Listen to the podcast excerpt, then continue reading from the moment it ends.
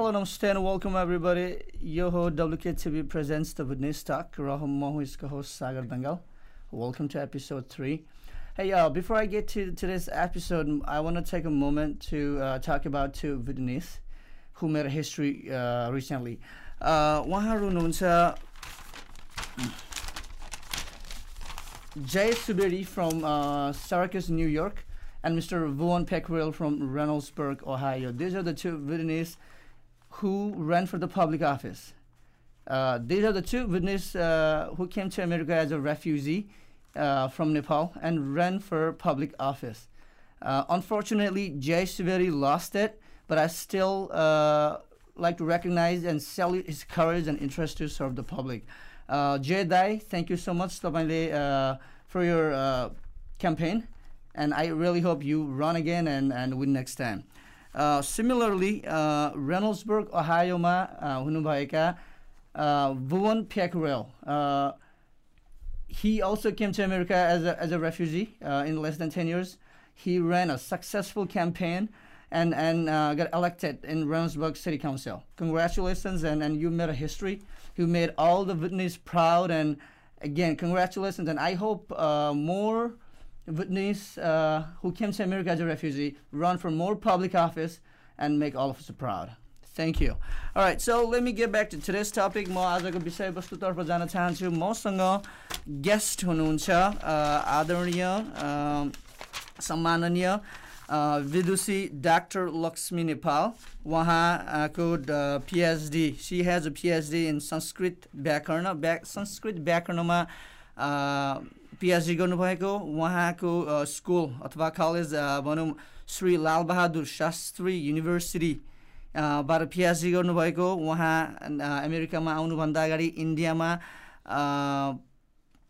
Lecturer पनि गर्नुहुन्थ्यो doctor Lakshmi welcome to मेरो सोमा तपाईँलाई वेलकम छ मेरो निम्तो स्वीकारेर। मेरो निम्तो स्वीकारेर तपाईँ आइदिनु भयो धेरै धेरै धन्यवाद म सुरु गर्न चाहन्छु तपाईँकै छोटो स्टोरीबाट किन मैले। अघि भने जस्तै तपाईँ डक्टर हुनुहुन्छ पिएचडी संस्कृत व्याकरणमा पिएचडी छ तपाईँको। थोरै आफ्नो स्कुलको विषयमा पढाइको विषयमा थोरै जानकारी दिनुहोस् न। हजुर। म सबैभन्दा पहिला यो हाम्रो कार्यक्रम देखिरहन् देख्नुहुने सबै दर्शकवृन्दहरूलाई मेरो नमस्कार। हजुरहरू सबैलाई हाम्रो कार्यक्रममा स्वागत छ। सागरजी हजुरले मेरो यो संस्कृत विद्याको क्षेत्रमा जर्नीको बारेमा प्रश्न गर्नुभयो। म जब म दस वर्षकी थिएँ त्यहाँबाट मैले संस्कृत क्षेत्रमा प्रवेश गरेकी हुँ। मेरो पिताजी स्वामी श्री गोविन्दाचार्यजी उहाँ अहिले दिल्लीमा बस्नुहुन्छ र उहाँले संस्कृत गुरुकुल चलाउनुहुन्छ। पुरै भारतमा नौ दस ब्रान्च संस्कृत गुरुकुलका छन्। पिताजीबाट प्रेरित भएर उहाँले मलाई प्रश्न गर्नुभयो कि पाँच कक्षासम्म तिमीले इङ्ग्लिसबाट पढ्यौ। अब तिमीले संस्कृतमा प्रवेश गर्ने कि इङ्ग्लिसबाट नै अगाडि आफ्नो अध्ययन बढाउने भने उहाँले प्रश्न गर्दा अचानक मेरो मुखबाट म संस्कृत नै पढ्छु भनेर उत्तर निस्कियो र त्यहाँदेखि मैले संस्कृत विद्या आरम्भ गरेँ। र आजसम्म म संस्कृतको नै सेवा गर्दैछु। तपाईँको पिएच हजुरको सरी म अगाडि नै भन्न चाहन्छु यदि मेरो यो इन्टरभ्यूको दौरानमा मेरो बोली अलिकति भने। मलाई माफ गर्नु हजुर संस्कृत व्याकरणमा पिएचडी गर्नुभएको। कति वर्ष लाग्छ यो जर्नी? तपाईँले पिएचडी गर्न कति वर्ष लाग्यो? लगभग यो दस बाह्र सालको कलेजमा। हाई स्कुल के भन्छ यहाँनिर चाहिँ दस सकेर हाई स्कुलदेखि कलेज जान्छ। कलेजमा दस बाह्र वर्ष। होइन कलेजमा दस बाह्र वर्ष होइन। कलेजमा तिन साल ब्याचलर डिग्री जसलाई हामीले शास्त्री भनिन्छ संस्कृतमा। अनि दुई सालको आचार्य हुन्छ जसलाई एमए भनिन्छ। त्यस पछाडि पिएचडी गर्न तिन या चार साल लाग्छ। टोटल त्यही सात आठ साल भनौँ न होइन। सात आठ सालमा पिएचडी जसलाई संस्कृतमा विद्यावारिधि भनिन्छ। यो उपाधि हामीलाई प्राप्त हुन्छ। मैले तिन सालमा पिएचडी पिएचडी गर्नुभयो। शास्त्रीदेखि पछाडि आचार्य अनि त्यहाँदेखि आउँछ पिएचडी मात्रै गर्न तिन साल तिन साल लाग्छ। हजुर। हो अनि यो मैले सुनेको कुरा मान्छेहरू चाहिँ बद्री अथवा वृन्दावन जानुहुन्छ आचार्य बन्नको लागि तपाईँले त फेरि युनिभर्सिटी जानुभएको छ यो यो कस्तो अलिकति फरक लाग्यो मलाई यसको विषयमा थोरै बुझाइदिनुहोस् न। हजुर पहिला चाहिँ संस्कृत विद्या ग्रहण गर्नु छ भने वाराणसी भारतको एउटा जिल्ला हो वाराणसी उत्तर प्रदेश त्यसको एउटा ठाउँको नाम वाराणसी जसलाई अहिले बनारस भनिन्छ होइन? हजुर, हजुर। त्यो एउटा संस्कृतको केन्द्र मानिन्थ्यो। यस्तै दक्षिणमा भारतमा पनि धेरैहरू के- केन्द्र थिए।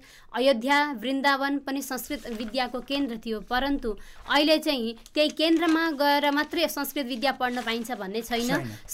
भारतको कुना कुनामा संस्कृत विश्वविद्यालयहरू छन् संस्कृत गुरुकुलहरू छन् जहाँ गएर हामीले संस्कृत विद्याको अध्ययन गर्न सक्दछौँ अतः दिल्लीमा पनि सबैले सुन्नुभएकै होला डि डि डियु भनिन्छ दिल्ली विश्वविद्यालय त्यसमा संस्कृतको पढाइ हुन्छ।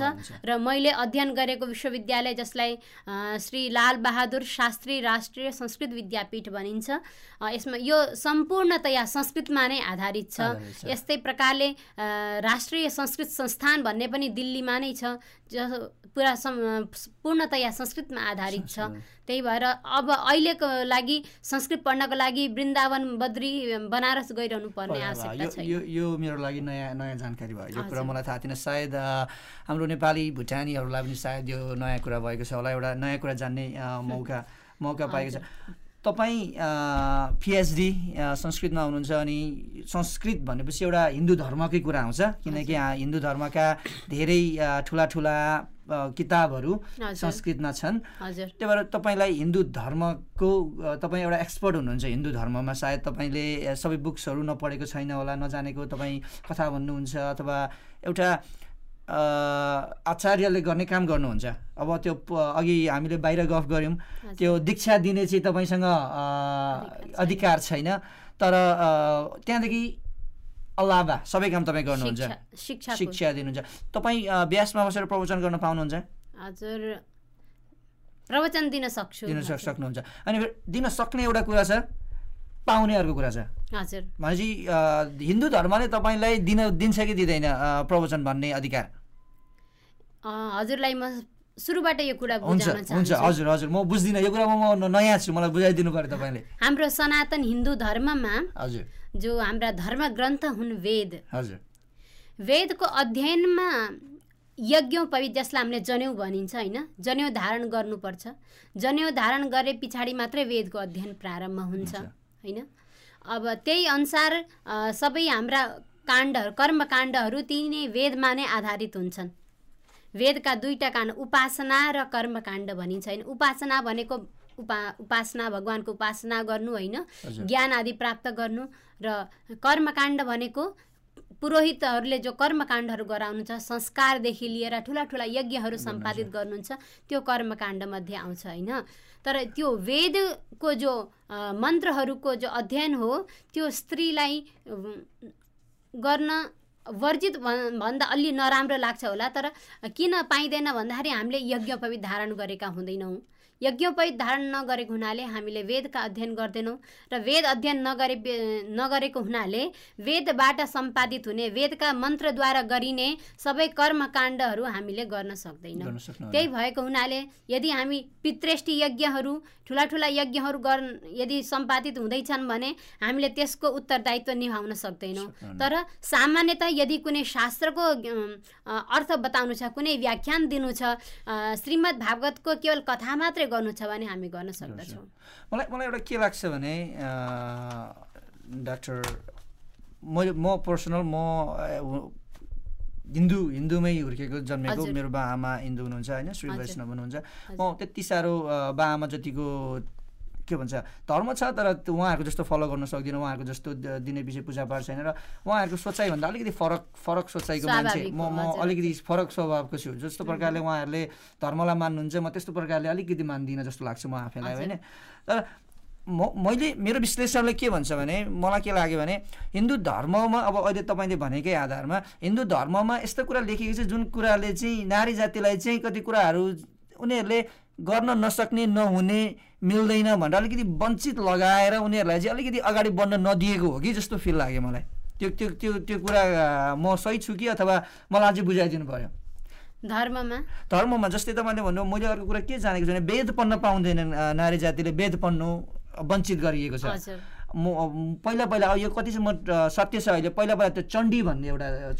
त्यो पनि नारी जातिले पढ्नु हुँदैन भनेर सुन्नमा आएको छ। अनि पहिला पहिला सुन्दा भागवत पनि नारी जातिले पढ्नु हुँदैन भनेर सुन्नमा आएको। तर अहिले त भागवत त नारी जातिले पढ्नुहुन्छ। एकदम पहिलेदेखि नै पढ्नुहुन्थ्यो। होइन त्यो सुन्नमा आएको। सायद त्यो। मिसकम्युनिकेसन भएको अथवा कसैले गलत कुरा अगाडि बढेको होला। तर भागवत चण्डी र वेद पढ्नु हुँदैन भनेर मैले सानोमा सुनेको कुरा हो।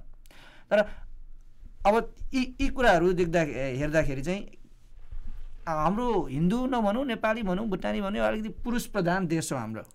अलिकति समाजै। म्यान डोमिनेटेड सोसाइटी भन्छ। त्यही भएर म मलाई लागेको हुन त म पनि एक पुरुषमै परेँ तर एउटा निष्पक्ष भएर हेर्दाखेरि चाहिँ सायद अलिकति पहिला लेख्ने ऋषिहरूले अथवा जसले लेखेको कुराहरू अलिकति नारीलाई चाहिँ कम्ती अधिकार दिएको जस्तो फिल लाग्छ मलाई।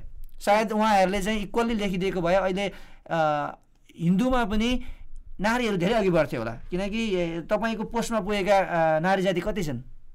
साह्रै कम्ती छन्? धेरै छैन। धेरै छैनन् नि। पुरुषको कम्पेरिजनमा तपाईँ जस्तो त्यो पोस्टमा पुग्ने कति मान्छे पाउँदै पाउँदैन कति मान्छेलाई डिस्करेज हुन्छ। त्यति मान्छेले। किन त्यहाँ पढ्ने? त्यहाँ तेरो कामै होइन भन्ने पनि हुन्छ। भने सायद हाम्रो धर्ममा त्यसरी अलिकति छोरी मान्छेलाई पछाडि नपारिदिएको भए लेखाइमा पनि अघि बढ्थ्यो कि जस्तो लाग्छ मलाई गुरुआमा हजुर। एकदम राम्रो प्रश्न गर्नुभयो हजुरले।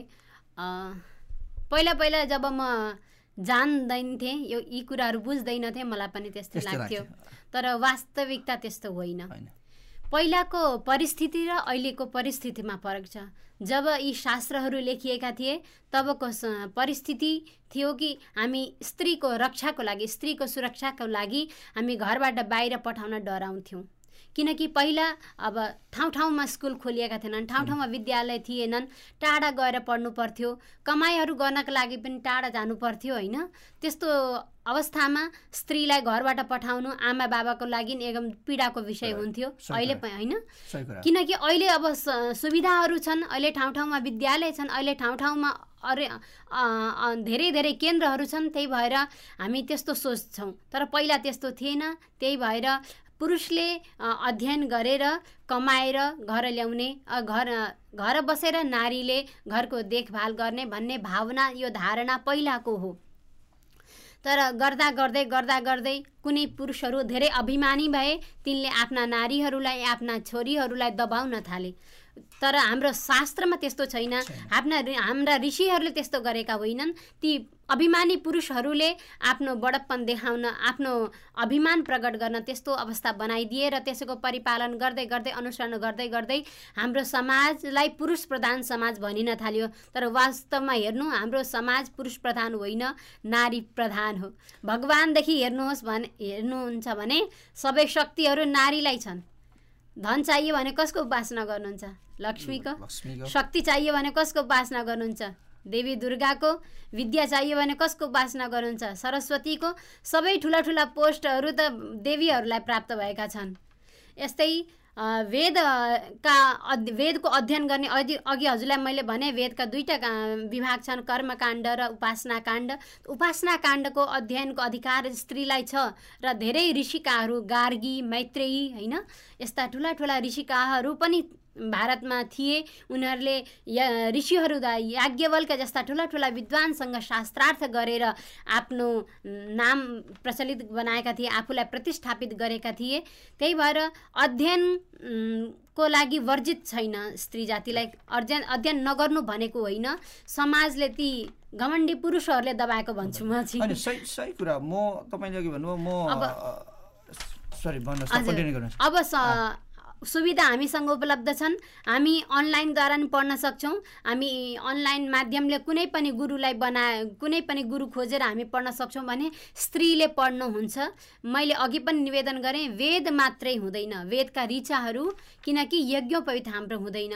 यज्ञोपवित हामीले किन धारण गर्दैनौँ भने यज्ञोपवितलाई हामीले एकदम शुद्ध मान्दछौँ एकदम पवित्र मान्दछौँ। र हामी नारी जातिहरू प्रत्येक महिनामा चार दिन हाम्रो अपवित्र को अवस्था आउँछ। त्यही भएको हुनाले यज्ञोपवीत हामी धारण गर्दैनौँ। यज्ञोपवीत धारण नगर्ने हुनाले हामी ऋचाको अध्ययन गर्दैनौँ। त्यसबाहेक वेदका ज्ञान उपनिषदहरूको अध्ययन गर्न सक्छौँ। वेदमा रहेका सम्पूर्ण ज्ञान भण्डार हामीले प्राप्त गर्न सक्दछौँ। हामीलाई कहीँ पनि वर्जित छैन। त्यो त्यो धेरै राम्रो कुरो। अब तपाईँले एउटा कुरा उठाउनु भयो म त्यसलाई फलोअप गर्न चाहन्छु। त्यो। चार दिन महिलाहरूको चार दिनको कुरा गर्नुभयो जुन चाहिँ हाम्रो ठाडो भाषामा भने भन्नु भन्नुपर्छ भने महिनावारी हुन्छ पि इङ्ग्लिसमा पिरियड हुन्छ भन्ने विषयमा। त्यो त्यो विषयमा हाम्रो धर्मले के लेखेको छ? हाम्रो अहिले अहिलेको बुझाइ मेरो बुझाइ के छ भने महिनामा एकचोटि नारी जातिहरूको पिरियड हुन्छ अथवा महिनावारी हुन्छन्। उहाँहरू चार दिन पाँच दिन उहाँहरूले छोको खानु हुँदैन उहाँहरूले पकाउनु हुँदैन अथवा त्यो एक खालको त्यो उनीहरूले गर्ने सधैँ गर्ने कामबाट उहाँहरू चाहिँ पर बस्नुपर्छ भन्ने त्यो नियम छ। यसमा दुइटा कुरा छ। एउटा कुरो के छ भने नानी त्यो एउटा के भन्छ गलेको शरीर हुन्छ दुःख पाएको शरीर हुन्छ उहाँहरूले चाहिँ रेस्ट पाउनुपर्छ भन्ने एउटा आर्ग्युमेन्ट छ। त्यो सही कुरा हो। रेस्ट त तपाईँको के चार दिन के दस दिनै बस्दा पनि भयो नि। रेस्टको लागि त म जहिल्यै ओके हो। तर मलाई चाहिँ जान्न मन लागेको कुरा चाहिँ त्यो अवस्थामा छुनु हुँदैन यसले यसले यो कुरा गर्नु हुँदैन त्यो कुरा गर्नु हुँदैन भगवान्को कोठामा जानु हुँदैन अथवा पकाउनु हुँदैन यो बेडमा सुत्नु हुँदैन। यस्तै यस्तै कुराहरू चाहिँ के भन्छ हाम्रो धर्मले? त्यो कुरा चाहिँ मलाई जान्न मन लागेको। यो विषयमा नि धर्म र रीतिरिवाज दुइटै जुडेका छन्। दुइटै जुडेका छन्। होइन? धर्म भन्नाले त्यो शास्त्रले भनेको कुरा र हाम्रो समाजले आफै बनाउँदै गएका कुराहरू दुइटै जुडेका छन् अब वास्तवमा कुरा गर्ने भने यो जो हाम्रो जसलाई संस्कृतमा अब नेपालीमा भन्नु हजुरले महिनावारी भन्नु मासिक धर्म भन्नु जे पनि भन्नु होइन तर यो महिनाको जो चार दिन हो यसमा सा साइन्सको हिसाबले विज्ञानको हिसाबले पनि हामी मान्दछौँ कि कुनै गल बेकार जो अंश हो नि शरीरको जो बेकार रक्त हो त्यो बाहिर प्रस्रावित हुन्छ। त्यही भएर त्यसका जो किटाणु हुन्छ नि शरीरबाट कुनै पनि मल कुनै पनि बेकार चिज बाहिर आउँदा त्यसमा किटाणु हुन्छ नि हामीले मान्छौँ कि मान्दैनौँ। सुन सुन्या हो मैले। अब त्यो विषयमा म विज्ञानले सुन्या हजुर। होइन? हामी प्रत्येक दिन बिहान मल विसर्जन गरेपछि हामी ना स्नान गर्छौँ कि गर्दैनौँ? गर्छौँ। किन? हामीले त्यसले हाम्रा दूषित भयो। त्यो किटाणुले हाम्रो शरीर दूषित भयो भन् यो हामी मान्छौँ नि। त्यस्तै त्यो किटाणु आएको हुनाले किटाणुद्वारा ती स्त्रीको शरीर चार दिनसम्म दूषित भएको हुन्छ र ती किटाणुले अरूलाई सङ्क अरूसँग सङ्क्रमण नहोस् भन्नका लागि बचाउन खोजेको हो। तर त्यसमा रीतिरिवाज पनि जुट्दा धेरै धेरै अब केटीलाई बाहिर निकाल्नु हुन्न त स्त्रीलाई बाहिरै निकाल्नु हुँदैन घाम पनि देखाउनु हुँदैन होइन? यस्ता यस्ता कुरा बढ्दै गए। तर मेन त्यसको प्रमुख कारण चाहिँ मैले बुझे अनुसार हजुर। त्यही हो होइन? अब अरू पनि रिजन हुन सक्छन् अरू पनि कारण हुन सक्छन्। मैले बुझे अनुसार त्यो हो र त्यसबाट त्यो किटाणुबाट बचाउनका लागि त्यस्तो हामी अब ती स्त्रीलाई पनि र अरूलाई पनि बचाउनका लागि ती नियम बनाइएका हुन् र चार दिनमा जब त्यो शुद्ध हुन्छ रक्त अनि सबैसँग स्पर्श म गर्दा हजुरलाई त्यसमै अर्को कुरा के थप्न होला? रीतिरिवाज धेरै छ हाम्रोमा। हजुर। रीतिरिवाज जुन कुरा लेखिएको छैन मान्छेले बनाएका रीतिरिवाज धेरै छन् जस्तो लाग्छ मलाई। त्यही भएर मलाई चाहिँ लागेको अब के छ भने हाम्रो समाजमा तपाईँ जस्तो मान्छे अथवा आचार्यहरू अथवा गुरुवर्गलाई धेरै कुरा प्रश्न सोध्नु हुँदैन। त्यो त्यो पनि एउटा डिसरेस्पेक्ट हो भन्ने एउटा बुझाइ छ। त्यही भएर मनमा धेरै कुरा खुल्दुली हुन्छ धेरै कुरा जान्न मन लाग्छ तर पनि सोधिँदैन। अब बाआमाले भन्नुहुन्छ त्यसरी गुरु ठुला बडासँग मुखमै लागेर त्यस्तो कुरा सोध्नुहुन्छ भनेर पनि भन्नुहुन्छ। त्यही भएर कति कुराहरू चाहिँ मिसकम्युनिकेसन भएको हो कि? जस्तो जस्तै डिरेक्टली ठुला मान्छेसँग बोल्न पाइँदैन अनि बिचकाबाट कता कताबाट इन्फर्मेसनहरू आउँछन् प्योर आउँदैनन् कति कुरा मिक्स भएका भएका नभएका कुरा थपिएर जोडिएर आउँछन् जस्तो लाग्छ। म त्यसमा अर्को कुरा के थप्न चाहेँ भने अनि यसलाई म अर्को टपिकमा जान्छु। हाम्रो कुन ग्रन्थमा लेखिएको छ यो विषयमा? कुन हिन्दूको कुन ग्रन्थमा चाहिँ त्यो अब साइन्टिफिकको कुरा त छँदैछ होइन? त्यो हो कति कुराहरू मलाई म त्यो विषयमा विज्ञ छुइनँ। तर हाम्रो कुन ग्रन्थमा चाहिँ लेखिएको छ कि यो चार दिन चाहिँ यस्तो गर्नुपर्छ है? भनेर हाम्रो कुन हिन्दूको कुन ग्रन्थमा लेखिएको छ? स्मृतिहरूमा लेखिएको छ। जस्तै मनुस्मृतिको नाम सुन्नुभएको? मैले सुनेको छैन। हजुर। जति पनि हामीले बिहानदेखि बेलुकासम्म प्रत्येक वर्ष प्रत्येक महिनामा जे जे हामीले मनुष्यले जे जे गर्नुपर्छ जे गर्नु पर्दैन। ती विधिहरू बताउने शास्त्रलाई स्मृति भनिन्छ। श्रुति भनेको वेद र स्मृति भनेका ती वेदका सहायक ग्रन्थहरू हुन्। मनुस्मृति भए हारित स्मृति भए बोधायन स्मृति अनेक स्मृतिहरू छन् है। ती स्मृतिमा यो लेखिएको छ प्रथमे हनी चाण्डाली भनेर शब्द प्रयोग गरेको छ होइन? तर त्यो भन्नु खोज्नु त्यो भन्नेको तात्पर्य हो कि ज जस्तो प्रकारले जो चाण्डाल भनेर जो एउटा जात हुन्छ नि जसले जस्तै कुकुरको पनि त्यो मांस खाने जो जात हुन्छ नि होइन? त्यसलाई हामीले नराम्रो मान्दछौँ होइन? होइन?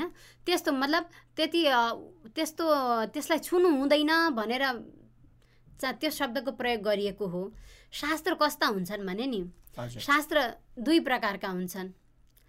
जस्तै हामीले आफ्ना नानीहरूलाई कुनै नराम्रो कुराबाट बच बचाउनु छ भने त्यो नराम्रो कुरो त्यति चाहिँ नराम्रो नहोला जति हामीले त्यसलाई नराम्रो भनेर बताउँछौँ। त्यस्तो हामी गर्छौँ कि गर्दैनौँ? गर्छौँ। एटलिस्ट त्यति सुनाएपछि चाहिँ नानीहरूले त्योबाट टाढा जाउँ नगरून् भनेर अलिकति बढाइ चढाइ गर्छौँ। हो शास्त्रले पनि शास्त्र भनेको के हो? जसले हाम्रो शासन गर्छ जसले हामीलाई उचित अनुचित सिकाउँदछन् ती शास्त्र हुन्। ती शास्त्रलाई पनि त्यस्तै व्यवहार गर्दछन्।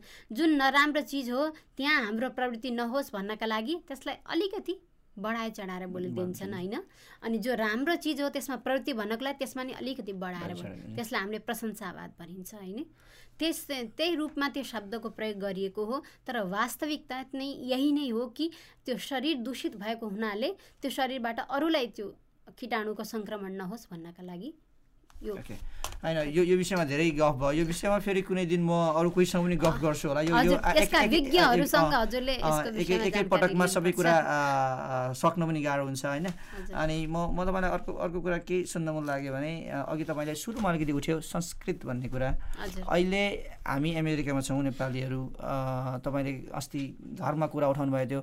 नेपाली धर्म अथवा धर्मभन्दा पनि नेपाली हाम्रो भाषा बचाउनु किन जरुरी छ? हाम्रो नानीहरूलाई नेपाली सिकाउनु किन जरुरी छ भन्ने कुरामा थोरै भनिदिनुहोस् न। हेर्नुहोस् न कहीँ पनि जाउँ कुनै पनि देशमा जाउँ आफ्नो अस्तित्व यदि हामीले बचाउन सकेनौँ भने हाम्रो जिउनुको कुनै अर्थ होइन।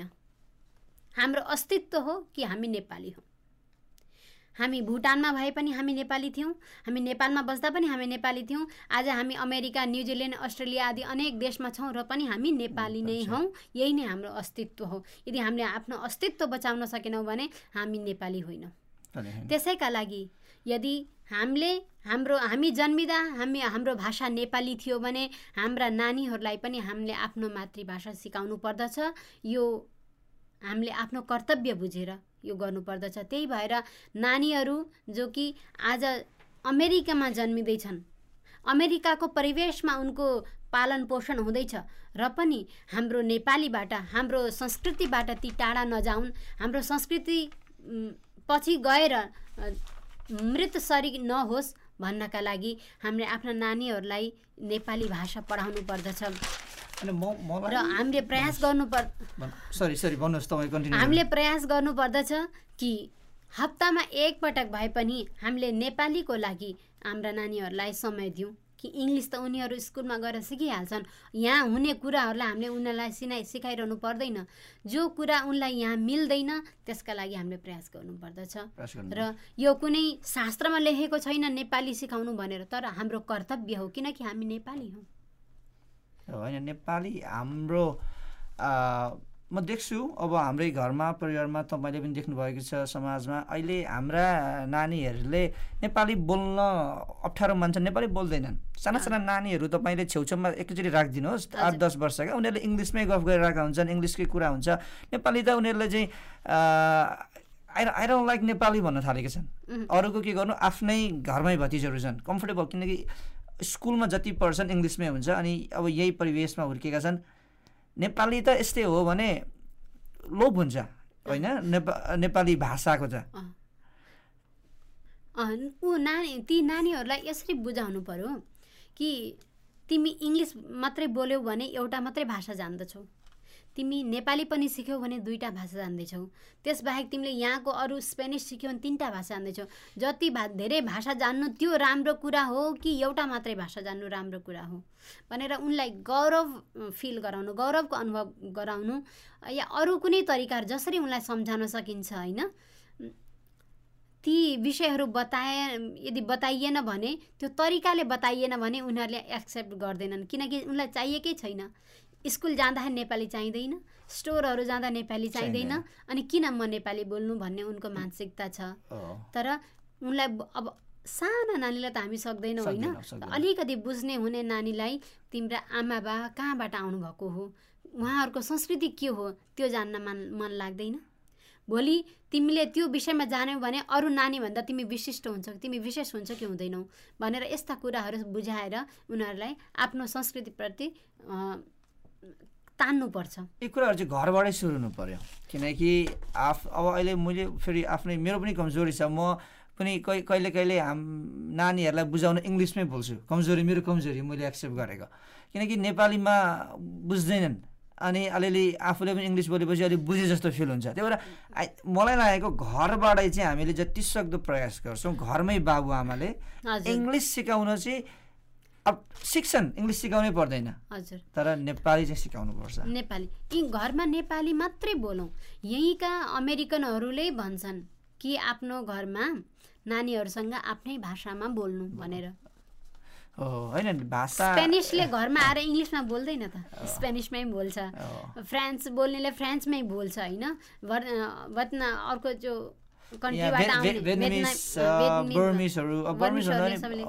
सबैले आफ्नो आफ्नो भाषा बोल्छन् किन हामी इङ्ग्लिस बोल्छौँ त सही कुरा। होइन म पनि यसमै जोड दिन्छु नेपालीहरू हाम्रा साना नानीहरूलाई नेपाली पढाउँ नेपाली सिकाउँ नेपाली भाषा नबिर्सौँ। इङ्ग्लिस त अलरेडी छ त्यही भएर स्टेट स्टेटमा सिकाइरहनु पर्दैन।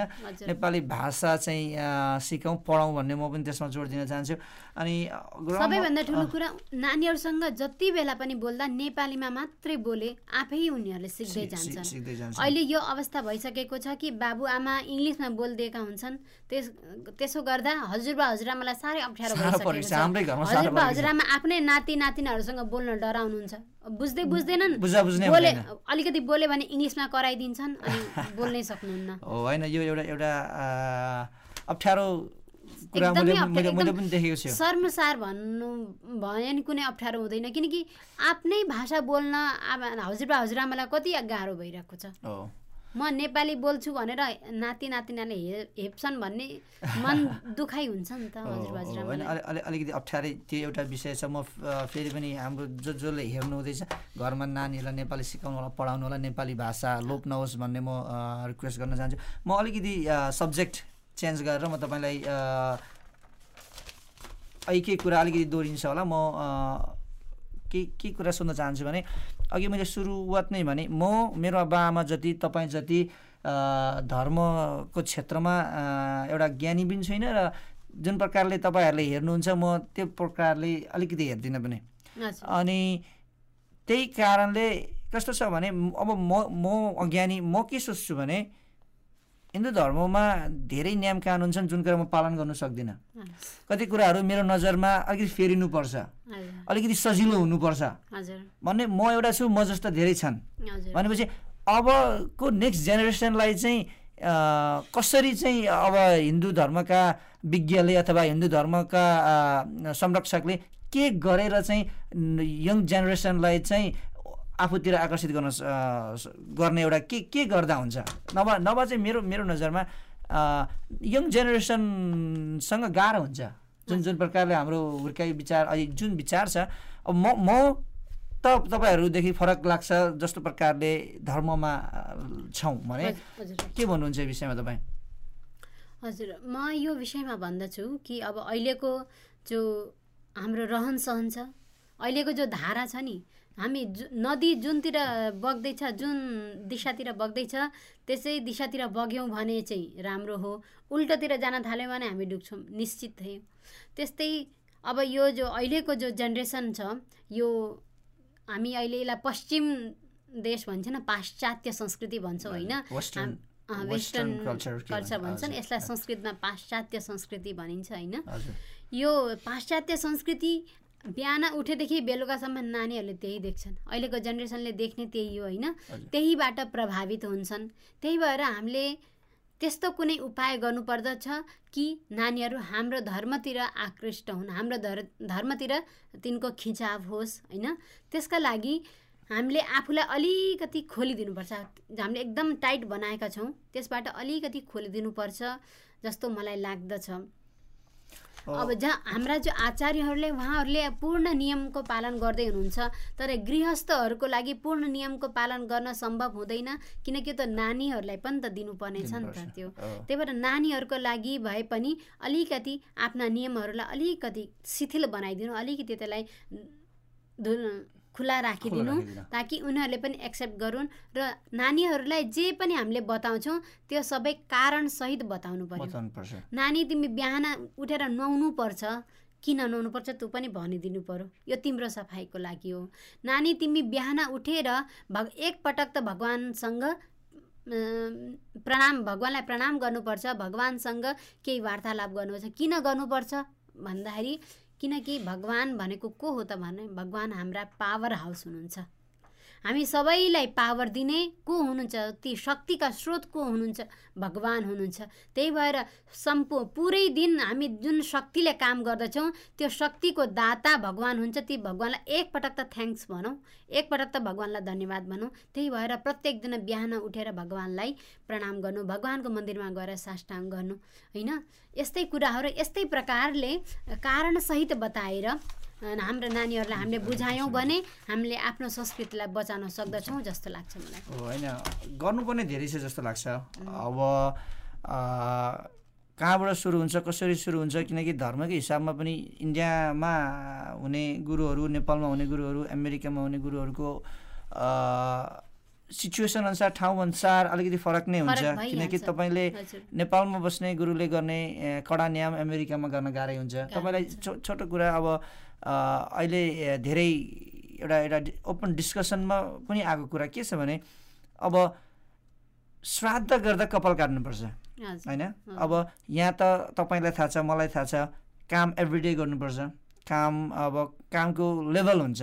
कसैको एन्ट्री लेभलको काम हुन्छ भने कसैको एउटा प्रोफेसनल काम हुन्छ होइन? अनि हजुर। काम अनुसार तपाईँको चाहिँ टाउको अब हाम्रो नेपाली ठेट भाषामा भन्नु भने कपाल चिन्डे पार्नु हजुर। अनि कतिको आफ्नो कामले अथवा आफ्नो सिचुएसनले त्यो आफूलाई एक्सेप्टेबल हुँदैन। अब म काम म यस्तो काम गर्दैछु मेरो यस्तो साथीहरू छन् म यो सिचुएसनमा छु।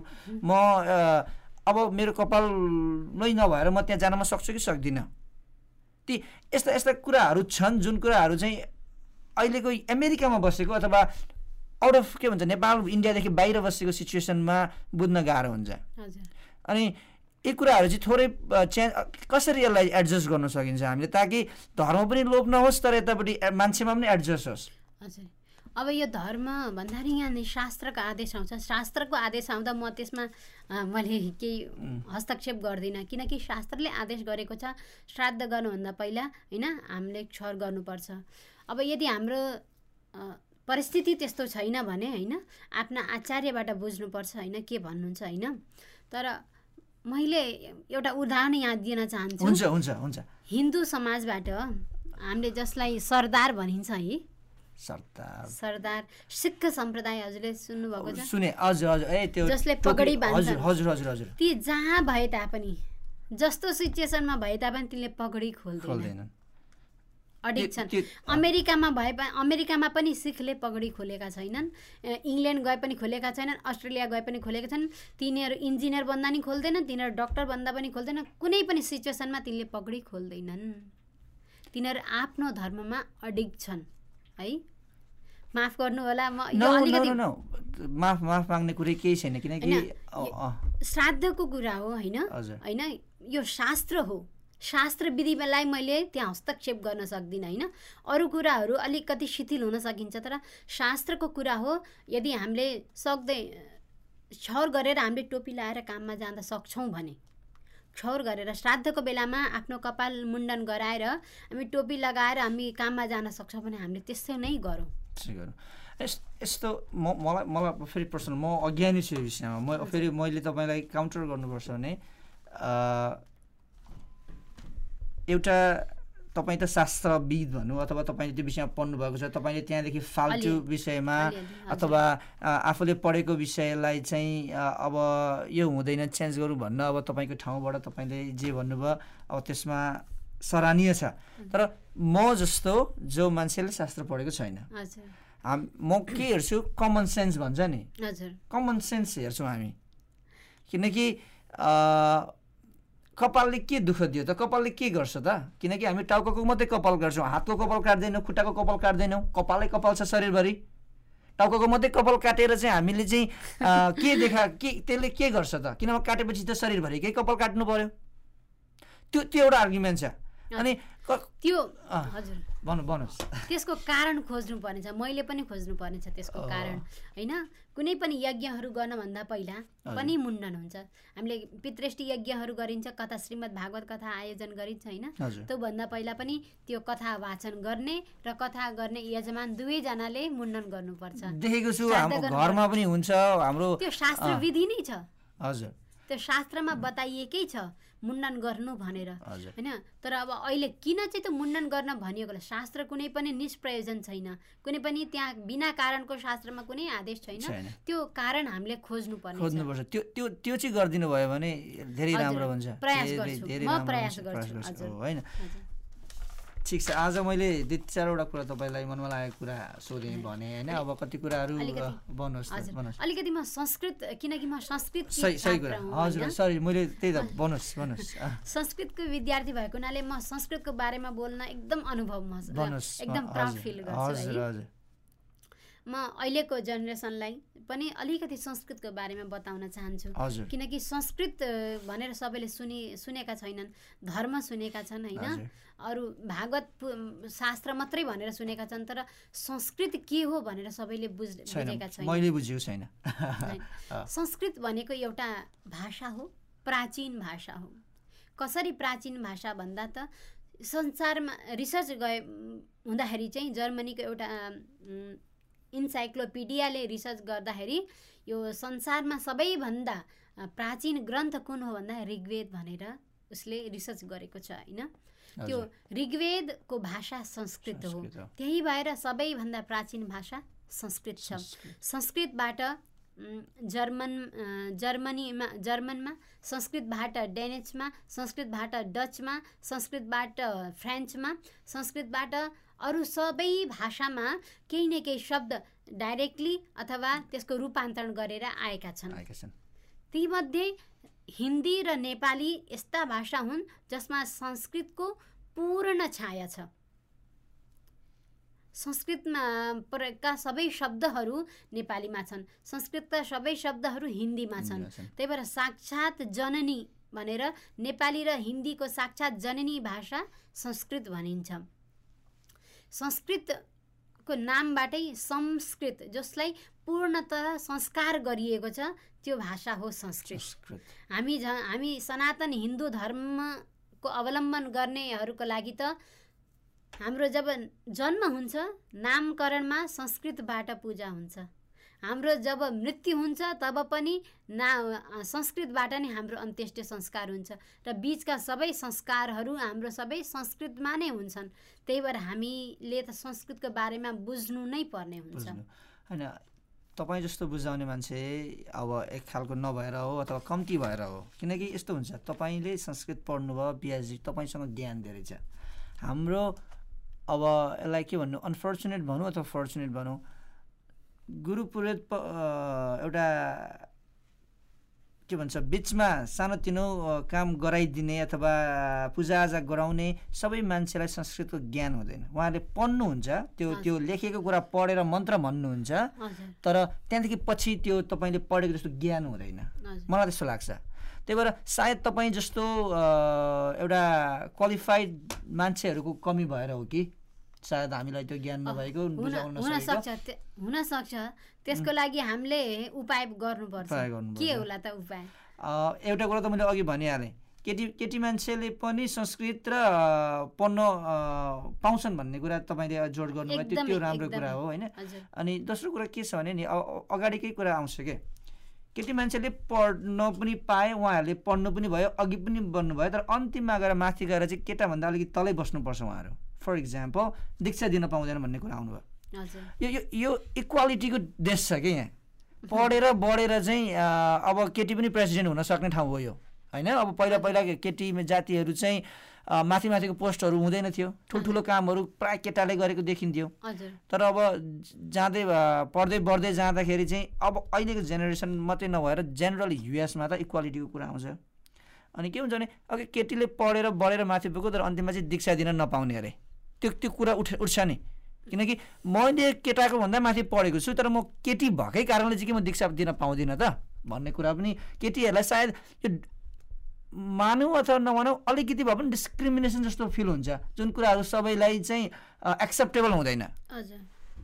सायद अलिकति मलाई त्यस्तो लाग्छ मलाई त्यस्तो लाग्छ मैले धेरै बोलेँ भने माफ गर्नु होला तर मलाई त्यस्तो लाग्छ। होइन यसो म श्री सम्प्रदायमा दीक्षित छु होइन।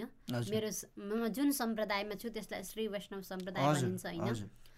श्री वैष्णव सम्प्रदायमा जो प्रथम आचार्य हुनुहुन्छ नि। भगवती लक्ष्मी हुनुहुन्छ। भगवती लक्ष्मीले अ, विश्वक्सेनजीलाई यो सम्प्रदायको उपदेश दिनुभयो र आचा प्रथम आचार्य भनेर पुरो भगवती लक्ष्मीलाई मानिन्छ होइन? तर यो धरातलमा यो यो पृथ्वी मण्डलमा भगवती त माथि हुनुहुन्छ नि? आफ्नो लोकमा हुनुहुन्छ। यो धरातलमा मैले हाम्रो सम्प्रदायमा कुनै पनि स्त्रीलाई त्यो ठाउँमा देखेकी छैन होइन? अनि हामीले जो दीक्षा दिन्छन् दीक्षा दिन्छौँ नि दीक्षा लिन्छौँ आचार्यहरूबाट त्यो दीक्षामा यज्ञ हुन्छ। हवन हुन्छ होइन? अघि पनि मैले हजुरलाई भने ती सबैमा वेदका ऋचाहरूको प्रयोग हुन्छ। ती सबै वेदका ऋचा हामीले त्यसको प्रयोग गर्दैनौँ स्त्रीले प्रयोग गर्दैनौँ। त्यही नै कारण मलाई लाग्छ कि हामीले दीक्षा दिने अधिकार हामीलाई प्राप्त छैन। यो हाम मैले यसलाई नारी जातिको अवहेलनाको रूपमा लिँदिनँ। यो नारी जातिलाई हेपाइ गरेको हो जस्तो मैले मान्दिनँ। किनकि जुन कारणले हामीलाई यज्ञ पवित्र धारण गर्न नसक्ने अवस्था भएको छ त्यो कारणले हामीलाई मातृत्वको ठुलो गौरव पनि दिन्छ। सबैभन्दा ठुलो गौरव। त्यो के पुरुष जातिले प्राप्त गर्छन् र गर्दैनन् र अनि पुरुष जातिले हामीले किन मातृत्व प्राप्त गर्न भनेर लडाइँ गर्नु त? तपाईँको त्यो पनि पोइन्ट छ। हो नि? त्यो प्रकृतिले पुरुषत्व र मात स्त्रीत्वको अलग अलग बन्दा बनाइदिएको छ होइन? जुन कारणले हामी सबैभन्दा माथि नारी जाति सबैभन्दा माथि बनेका छन् यो काम यो मातृत्वको जो प्रतिष्ठा हो मातृत्वको सम्मान पुरुषले कहिले पनि प्राप्त गर्न सक्छन् र सक्दैनन् नि? आमा आमा त हुन सक्दैनन्। सक्दैनन् आमाको नि। आमाको त्यो यो गौरव हाम सबैभन्दा ठुलो गौरव हाम्रो लागि यदि यसका लागि हामीले अलिकति कुनै कुनै अधिकारबाट वञ्चित हुनुपर्छ भने यो हाम्रो अवहेलना होइन भन्छु मैले चाहिँ। किन- किनकि कुनै एउटा पुरुषले हामीलाई तैँले यो गर्न सक्दैनस् भनेर भनेको होइन नि त। यो हाम्रो प्रकृति प्रकृतिले हामीलाई रोकेको छ। त्यही भएर यो स्त्री जातिको अवहेलना होइन। तर जुन यस बाहेक जे जति गर्न हामीले गर्न सक्दछौँ शास्त्रले हामीलाई कहीँ रोकेका छैनन्। हामीलाई कुनै पनि विद्याको अर्जन गर्नको लागि रोकेका छैनन्। कुनै पनि ज्ञान लिन रोकेका छैनन्। कुनै पनि कर्म अरू गर्न रोकेका छैनन्। होइन धेरै मलाई बुझाइदिनु भयो त्यसको लागि थ्याङ्क यू होइन? अझै म म अज्ञानी छु यो विषयमा। म। म होइन, तपाईँको विचार त सराहनीय छ किनकि तपाईँ त यो विषयमा अथवा हाम्रो हिन्दूको यो चालचलनदेखि लिएर एउटा शास्त्रमा ज्ञानी हुनुहुन्छ मैले त्यसलाई क्वेसन गर्ने कुरै छैन। मैले भने म एउटा अज्ञानी भएर प्रश्न सोध्दैछु। सायद मेरो प्रश्न तपाईँलाई चाहिँ एउटा मूर्खता पनि लाग्न सक्छ। त्यसको लागि क्षमा दिनु होला किनकि म म यो विषयमा अज्ञानी छु म जान्न खोजेको। म म के मैले अघि भने म के हेर्छु अथवा हाम्रो जेनेरेसनले के हेर्छ? कमन सेन्स हेर्छ। मह्म। अब हामी कतिसम्म जान्छौँ भने मेरो एक्सपिरियन्समा कमन सेन्सकै हिसाबले जाने हो भने शास्त्रले त्यस्तो लेख्यो। सायद शास्त्रले त्यस्तो लेख्नु हुँदैन थियो सम्म पुग्छौँ हामी। शास्त्रमा किन लेखियो त त्यस्तो? त्यस त्यस्तो नलेखिनु पर्थ्यो शास्त्र। हामी त्यो लेभलसम्म पुग्छौँ। जुन कुरा अब तपाईँसँग अब फेरि कहिले गर्नुपर्छ? होइन? यो यो विषयमा हामी खै किन अब सानैदेखि शास्त्र पढेको हुनाले होला शास्त्रकै वचन मान्छौँ। भगवान्ले श्रुति स्मृति ममै वाज्ञे भन्नुभएको छ। श्रुति र स्मृति मेरा आज्ञा हुन्। भनेपछि श्रुति र स्मृतिले जे जे भन्छ त्यहीको पालना गर्नु भनेर भगवान्ले आदेश दिएको हुनाले हामी त्यही मान्दछौँ। होइन त्यही त मैले भने त्यो विषयमा जानेका बुझ्नु भएको छ तपाईँहरूले त्यो शास्त्रको फलो तर गर्नुहुन्छ। का- त्यो तर अघि पनि मैले भने बिना कारणको शास्त्रले लेख्दैनन्। कारण चाहिँ खोज्नुपर्छ होइन? म पनि यो खोज्न चाहन्छु आजकलको जेनेरेसनलाई म पनि पुरा तथ्यको साथमा पुरा कारणको साथमा यो कुराहरू बताउन चाहन्छु। म खोज्ने प्रयास गर्दैछु धेरै कुराहरू। मैले कसरी आजका ना आज अहिलेका नानीहरूलाई सम्झाउन सकौँ भनेर म प्रयास गर्दैछु। यसमा म रिसर्चमा लागेकी छु म खोज्दैछु। म फेरि। कहिले फेरि हो, हजुरसँग होइन म म तपाईँलाई फेरि पनि बोलाउँछु। फेरि पनि गफ गर्नुपर्छ। यो पहिलो पटक हो होइन? अब एउटै एउटै एपिसोडमा सबै कुरा कभर हुँदैन एउटा एउटा धर्मको विषय नै यति यति ठुलो। छ यति ठुलो छ हामीले त यो त के यो त यो त केही पनि होइन यो त। केही पनि होइन। तर पनि तपाईँले आफ्नो समय दिनुभयो आइदिनु भयो होइन? म त्यस त्यसलाई नै खुसी छु थ्याङ्क यू भन्न चाहन्छु। तपाईँलाई म फेरि पनि बोलाउँछु। हवस् त। यो मेरो सौभाग्य हो। सबैको। अगाडि म बोल्न पाउँदैछु होइन? आफ्ना विचारहरू सबैको अगाडि प्रस्तुत गर्दैछु। मलाई पनि खुसी लाग्दछ। धेरै धेरै थ्याङ्क यू सो मच धन्यवाद म म के भन्न चाहन्छु भने हामीलाई हेर्ने दर्शकहरूलाई मेरो एउटा सानो प्रयास हो डाक्टर लक्ष्मी नेपालसँग। म एज मैले अघि पनि भने म यो विषयमा धर्मको विषयमा अज्ञानी छु। मलाई धर्मको फर्मल ज्ञान छैन। त्यही भएर मलाई मनमा लागेको कुरा जान्न लागेका कुराहरू सोधेँ। उहाँले आफ्नो ठाउँबाट उत्तर दिनुभयो। यो विषयमा डिस्कस गर्दै जाने हो भने त यो समय कहिले पनि पुग्दैन किनकि अज्ञानी मान्छेको प्रश्नहरू धेरै हुन्छन् होइन? अनि फेरि फेरि पनि म उहाँलाई बोलाउने छु यस्तै विषयमा गफ गर्नेछौँ अज्ञानी म हजुरलाई। भन्नुहोस् भन्नुहोस्। अज्ञानी भन्दा पनि म जिज्ञासु चाहिँ जिज्ञासु पनि हो म क्युरियस पनि छु। अज्ञानी चाहिँ नभनौँ। होइन। क्युरियस छु तर क्युरियस कस्तो भने शास्त्रको विषयमा ज्ञान छैन। किनकि जिज्ञा म क्युरियस होइन सही कुरा हो सही कुरा। म मेरो माइन्ड चाहिँ क्युरियस छ। म हाम्रो धर्ममा जे जे हुन्छ किन हुन्छ कसरी हुन्छ कहाँबाट सुरु ग- गयो भन्ने म जान्न चाहन्छु। कसैको कारण बिना मैले तपाईँलाई अघि सोधिहालेँ। अब म मलाई सोध्नुहुन्छ भने अब माफ गर्नु होला यो यो महिनामारीको सिचुएसन मलाई चाहिँ फलो गर्न गाह्रो लाग्छ। फलो गर्न गाह्रो लाग्छ। किनकि अब हुन त सकिन आँटेको थियो म अलिकति जोडिहालेँ। अहिले अब अमेरिकामा चार दिनको छुट्टी दिँदैन कामबाट। दिन्छ त? दिँदैन। हाम्रा नारीहरू हाम्रा वुमेनहरू फुड डिपार्टमेन्टमा काम गर्नुहुन्छ। गर्नुहुन्छ नि? तपाईँको फास्ट फुड रेस्टुरेन्टमा काम उहाँहरूको किट। किटाणुले साह्रो पार्छ भनेर उहाँलाई चार दिन छुट्टी त दिँदैन। काम त गर्नै पर्यो। चलिरहेको छ। हामी अब तपाईँहरू बाहिर खानुहुन्छ खानुहुन्न। हामी त बाहिर पर्याप्त खान्छौँ। अब यसले चाहिँ यसको यी केटी यी नारीको चाहिँ चार दिनसम्म यस्तो भएको रहेछ। उहाँले गर्दा चाहिँ मैले छोको खाइनँ होला भनेर म घरमा मात्रै खान्छु म बाहिर खान्न भन्न सकिँदैन। त्यही भएर यस्ता यस्ता कुराहरू हामी म मलाई कति कुराहरू चाहिँ तपाईँको थ्रुबाट हाम्रो शास्त्रबाट आए पनि कति कुराहरू रिजनेबल लाग्दैन। कति कुराहरू चाहिँ अब सा के भन्छ यो प्र्याक्टिकल लाग्दैन। छ हामीसँग चलन छ चलेर आएको छौँ घरमा चलाउँछौँ हामी अझै पनि तर रियल लाइफमा प्र्याक्टिकल हुँदैन। किनकि किनभने त घरमै खानु पर्यो हामीले खाना। बाहिर त अब के को कसो कसो को को के जातको मान्छे उसको शरीरको अवस्था के छ के थाहा छैन? उसले के गर्दैछ के थाहा छैन? बाहिर त खानै भएन। बुभुक्षितम किम न करोति पापम भनेर भनिन्छ। जब एकदमै भोक लाग्छ नि होइन? जहाँ धेरै अब बाढ आएको छ आपदा आएको छ नि होइन? त्यहाँ धेरै दिनसम्म यदि त्यहाँ खानपिनको व्यवस्था भएन भने जे भेटिन्छ त्यही खान्छन् होइन मान्छेले। आपत्तिकाले मर्यादा नास्ति भनेको छैन त्यो अब भोक त मिटाउनु पऱ्यो भोक त मिटाउनु पऱ्यो जसरी पनि मान्छेले त्यहाँ मिटाउँछ अरे होइन? त्यही भएर अब जस्तो सिचुएसनमा छौँ अब मैले जो अध्ययन गरेँ त्यसको। हिसाबले मैले मैले जो मान्छु त्यसको हिसाबले मैले भने तपाईँको कुरा सराहनीय छ। मैले त्यस तपाईँलाई क्वेसन गर्न तपाईँको के भन्छ तपाईँले भनेको कुराहरूलाई मैले डाउट गरेको होइन। मैले भनेको यस विषयमा अब ठुला ठुला अब धर्माचार्यहरूबाट पनि अब हामीले यसको समाधान लिनुपर्छ होइन। मलाई के लाग्छ भने धर्मका ठुला ठुला गुरुहरू बसेर अलिकति यो विषयमा छलफल भएको छ कि छैन मलाई थाहा पनि छैन। किनकि अब शास्त्र छ पहिला लेखिएको छ यसलाई कन्टिन्यू फलो भएर आएको छ होइन? बिचमा बसेर ठुल्ठुला गुरुहरूले बसेर अलिकति एनालाइज गरेर अलिकति धेरथोर अगाडि पछाडि चेन्ज गर्ने कुराहरू गर्नु भएको छ कि छैन त्यो मलाई थाहा छैन। त्यो हुन सक्छ कि सक्दैन त्यो पनि थाहा छैन। तर मैले सिर्फ मेरो प्रयास के हो भने नयाँ जेनेरेसन हामी एक खालको थोरै भए पनि पढेका अलिकति नयाँ कुरा धर्मदेखि फाल्टु कुरा देखेका मान्छेको चाहिँ यस्तो छ है भ्यू। भन्ने मैले मेरो प्रेजेन्ट गरेको त होइन। त्यही भएर अब हेरौँ कस्तो हुन्छ। म यो विषयमा फेरि धेरै गफ गर्छु। म यो विषयमा फेरि पनि गफ गर्छु। वान सेकेन्ड तपाईँलाई थ्याङ्क यू एन्ड तपाईँहरूलाई यो विषयमा जान्न मन छ। यो विषयमा केही प्रश्नहरू छन् भने मेरो यो पोस्टमा यो भिडियो मुनि अथवा फेसबुकमा तपाईँले मलाई मेसेज गर्न सक्नुहुन्छ।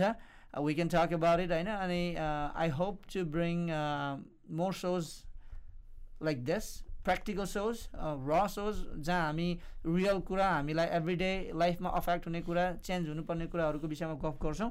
तपाईँ सम्पूर्णलाई हेरिदिनु भएकोमा थ्याङ्क यू तपाईँलाई फेरि पनि thank you and that being said see guys next time right